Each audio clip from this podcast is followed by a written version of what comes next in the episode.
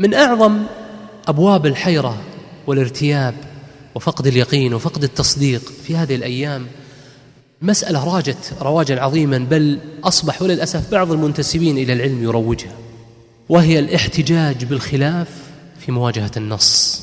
اليوم كلما ذكرت مسألة قالوا في خلاف كل ما ذكرت مسألة من أحكام المرأة قالوا والله في خلاف كل ما ذكرت مسألة يعني من أحكام الصلاة أحكام المعازف قالوا في خلاف. واحدة من القريبات مرة جاء ذكر هذه المسألة فأجابت جوابا طريفا. يعني بلغتها العامية قالت الله يقلع ذا الخلاف اللي توه جاينا.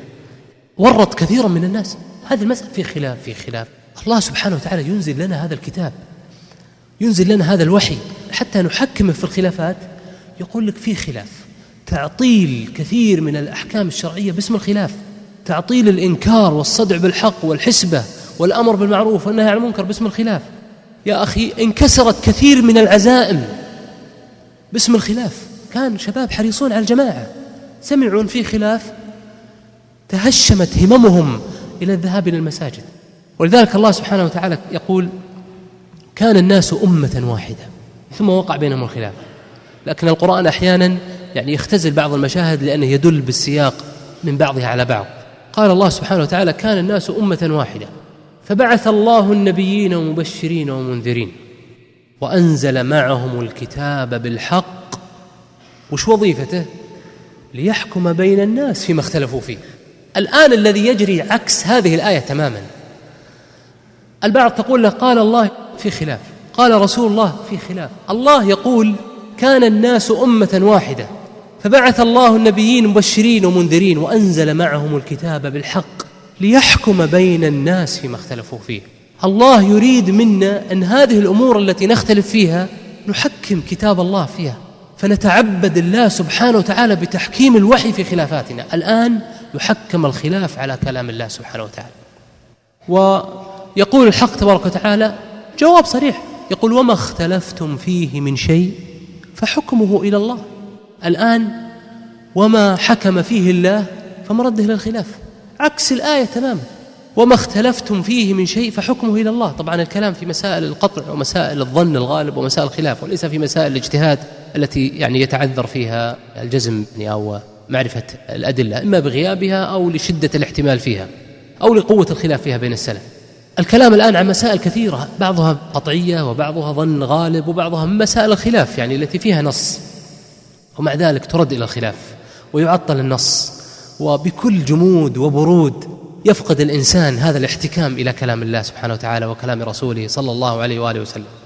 الشيخ الإسلام تيمية مرة كان يتعرض إلى مسألة في الفتاوى فألزم المخالف بلازم قال هذا القول يلزم عليه أن لا يكون حراما إلا ما أجمع على تحريمه فكل ما اختلف في تحريمه يكون حلالا وهذا مخالف لإجماع الأمة ومعلوم البطلان بالاضطرار من دين الإسلام. ليس يقرر المسألة فقط لا يجعلها لازم يعني يلزم على كلامكم أن يكون الخلاف مباحا.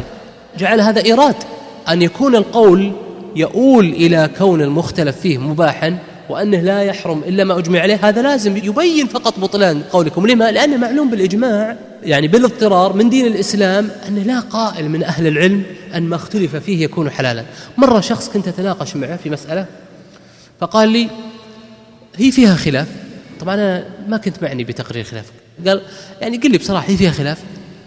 قلت نعم فيها خلاف. قال أي مسألة فيها خلاف فليس دينا بينا. طيب وش بقي يعني؟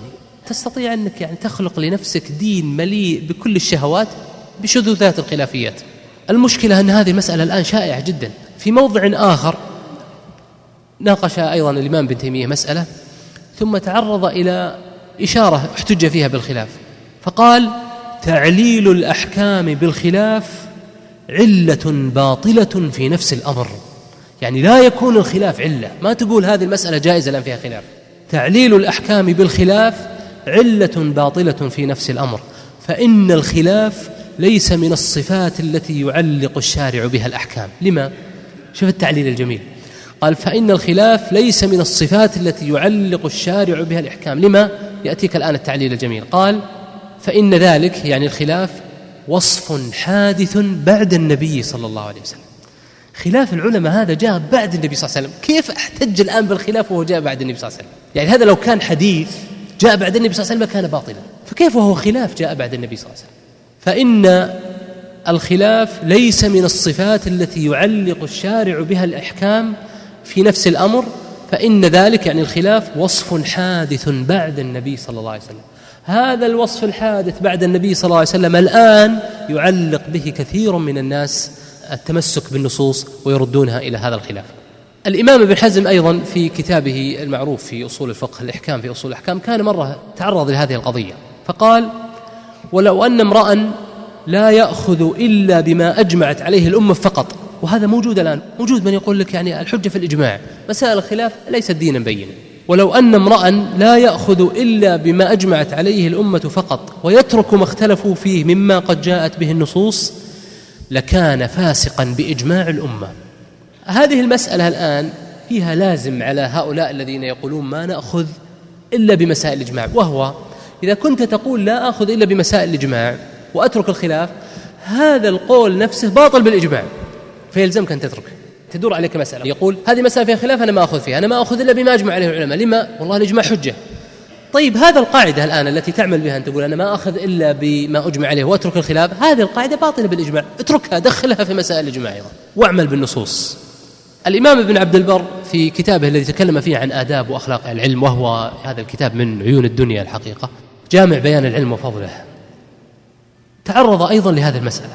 فقال الاختلاف ليس حجة عند أحد علمته من فقهاء الأمصار. ما أعرف إن أحد يحتج بالخلاف. بل أنا قرأت مقالات لبعض المنتسبين للعلم والفتية في هذا البلد يحاول أن يؤصل فيها أن مسائل الخلاف لا يشدد فيها وأن الإنسان يأخذ فيه بما أراد.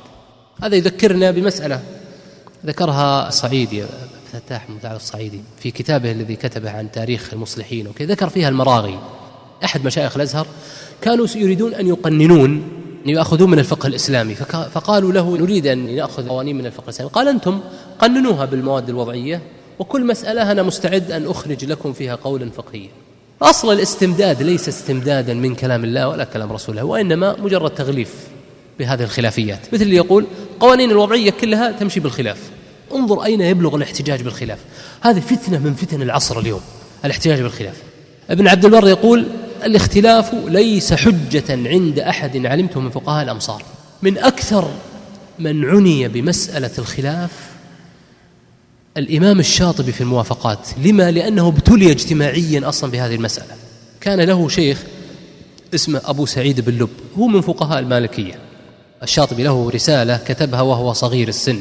اسمها الإفادات والإنشادات. رتبها بهذه الطريقة إفادات وإنشادات. فائدة ثم أبيات شعر فائدة ثم أبيات شعر. رسالة صغيرة طبعت. الذي يقرأها يلاحظ فعلا فيها تعظيمه لشيخ أبو سعيد بن لب. كانوا مرة اختلفوا في مسألة مسائل الطلاق فقال أبو سعيد بن لب هذه فيها خلاف أراد أن يجري فيها المسألة على الخلاف. الشاطبي لما ارتوى من فقه الشريعة والاطلاع على النصوص وكلام السلف أدرك أن الاحتجاج بالخلاف يضاد الشريعة. وبناه على قاعدة الهوى. قال أن الشارع ملأ القرآن بالتحذير من الهوى. مثل ما قال حق تبارك وتعالى يا داود إنا جعلناك خليفة في الأرض فاحكم بين الناس بالحق ولا تتبع الهوى. نظائر هذه الآيات التي جمعها. قال إن الشارع قاصد إلى مضادة الهوى.